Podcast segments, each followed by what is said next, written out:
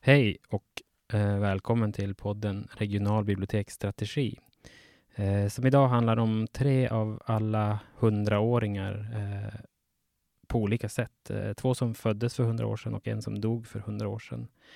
Eh, och som har skrivit böcker. Och eh, vi har delat upp de här eh, tre hundraåringarna i varsitt avsnitt. Och den första som vi ska prata om är Edith Södergran eh, som dog för hundra år sedan. Eh, sen har vi en undertitel också på, på, de här, på det här paketet med tre avsnitt som eh, ingen, i, i alla fall ingen i Västerbotten kan ha missat och det är ju att det var hundra år sedan som Sara Lidman föddes. Men eh, henne ska vi alltså inte prata om idag. Eh, jag heter Johan och med mig idag har jag eh, Jenny och Christer som sen ska få komma in. Men eh, till att börja med som sagt så ska vi prata, ska jag eh, prata lite grann om Edith Södergran och eh, så. Um, och till att börja med så tänkte jag väl bara att eh, eh berätta lite grann om, om eh, en, en, introduktion och sen komma in på, på min egen relation till, till henne. Um, och om man skulle haft med henne här idag så kanske en introduktion skulle kunna låtit så här. Eh, hennes användning av bildspråk och och abstraktion banade vägen för den modernistiska poesin i Sverige och Finland. Genom sin förmåga att utmana konventioner och skapa unika uttryck, uttryckssätt har hon lämnat ett bestående avtryck inom poesin och fortsätter att beröra och inspirera nya generationer av poeter och läsare. Eh, ja, och i dagens avsnitt kommer vi då i alla fall att kika då på, på både livet och arbetet hos, hos Edith. Eh, och eh, hon gav ut fyra diktsamlingar och en aforismsamling. Eh, och en femte som gavs ut postumt. Eh, vi har också eh, i alla de här tre snacken valt att lyfta lite olika nyheter som, som, har, som kan ha skrivits nu just apropå att, att det är hundra års jubileum på olika sätt.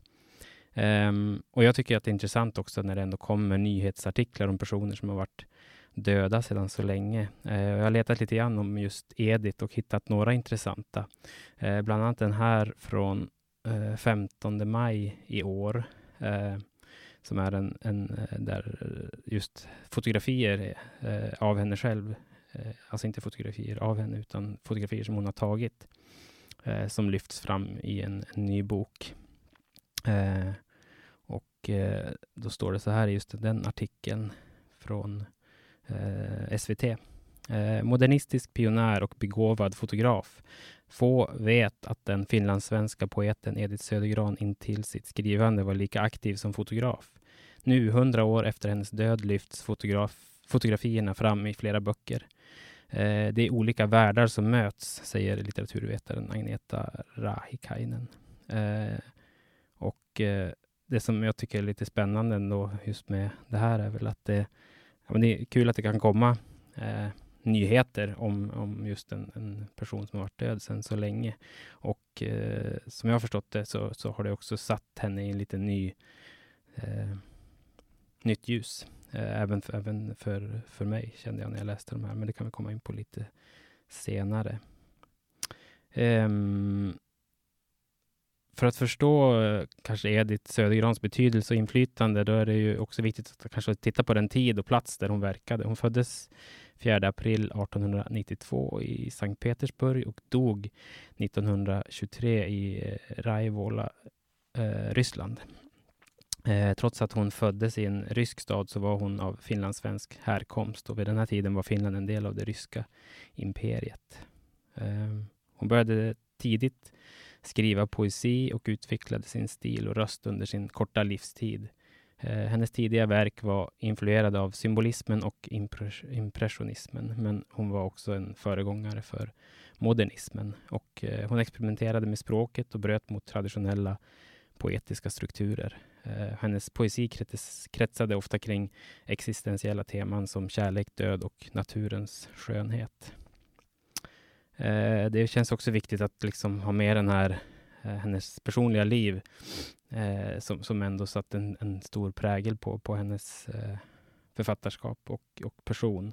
Eh, hon led ju nämligen av tuberkulos och kämpade med dålig hälsa under större delen av, av sitt liv.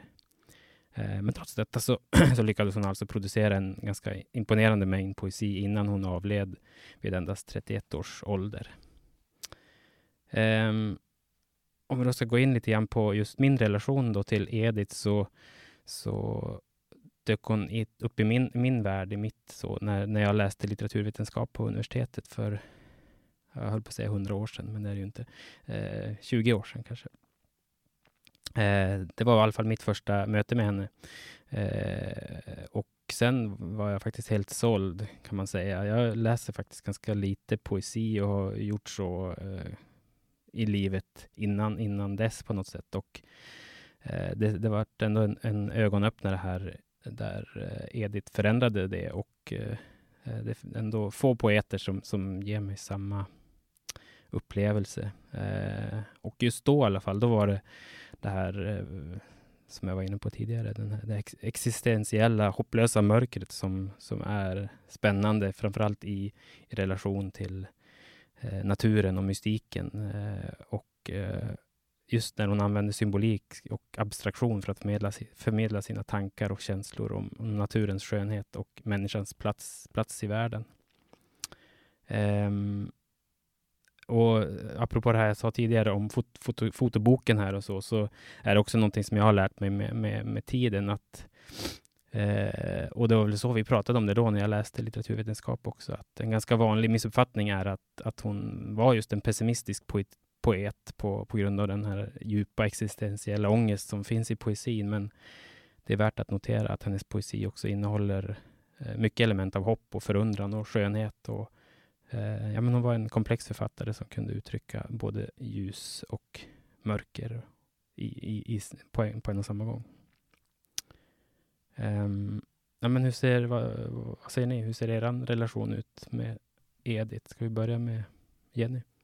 Eh, ja, eh, min relation med Edith, jag tror att, att den går ganska långt tillbaks i tiden, precis som din Johan. Fast jag läste nog henne tidigare än innan innan jag började plugga litteratur, eh, för att jag tyckte att hon var, eller jag trodde i alla fall, jag tänkte att hon var lättillgänglig. Jag tyckte att jag förstod henne. Mm. Eh, men jag har faktiskt en katt som heter Edith, som är döpt efter henne, för att jag tycker att alltså de här eh, första dikterna som jag läste, typ Dagens svalnar och eh, ja, men Vierge modern till exempel, som är väldigt eh, kraftfulla, tycker jag, så, så är den som jag ofta, oftast tänker på, den här lilla enkla av hela vår soliga värld, önskar jag blott en trädgårdssoffa där en katt solar sig. Eh, den dikten tycker jag väldigt mycket om, så då har jag en katt som heter Edith. Christer, du då? Mm. Eh, ja, första gången jag kom i kontakt med Edith var i slutet av 80-talet. Det var när Ögonblicksteatern här i Umeå så hade de poesikväll. Och då köpte jag en pocket med hennes dikter. Som jag har kvar, faktiskt. Och, men jag, jag hade, har lite svårt för... Nu är det länge sedan jag har tittat på den. Jag måste titta på dikterna igen nu när jag har hört Johan också. Att, men att eh, jag, ty jag tycker det var så väldigt mycket religion och skuld och skam. I, det var lite för tungt av det. Fast det är vissa delar av hennes poesi som har som ändå fastnat. Men då, och då finns ju den här äh, som väl äh, de, som är ganska vanlig och som har gjorts mycket parafraser på. Det är ju slutet på just Dagens svalnar som du pratade om. När du, du sökte en blomma och fann en frukt. Du sökte en källa och fann ett hav. Du sökte en kvinna och fann en själ. Du är besviken. Det är en sån där...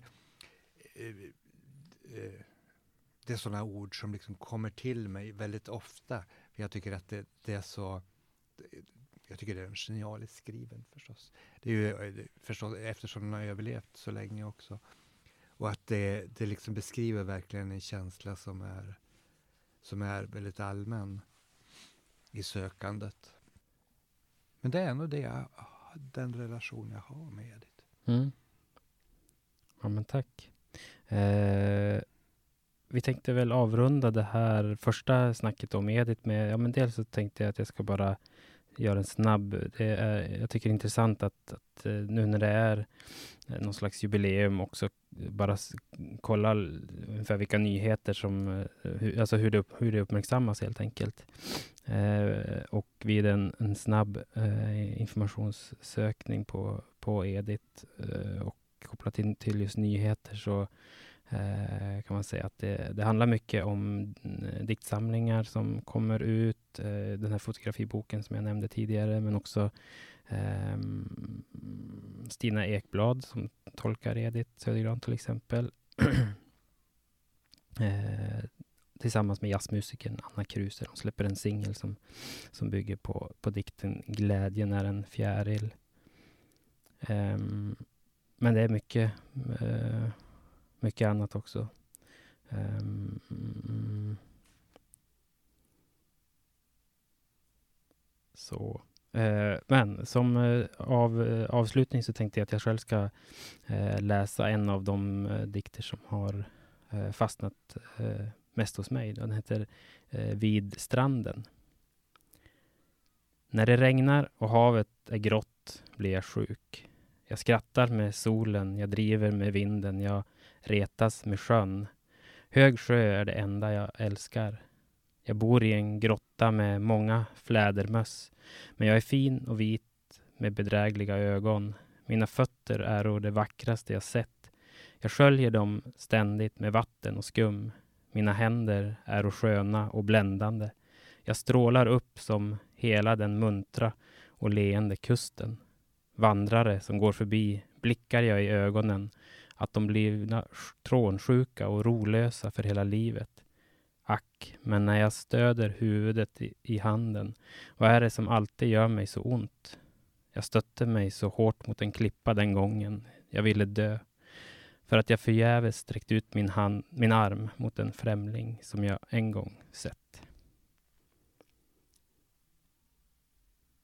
Yes. Och med det så säger vi eh, hej och på återseende i nästa eh, hundraåring. Eh,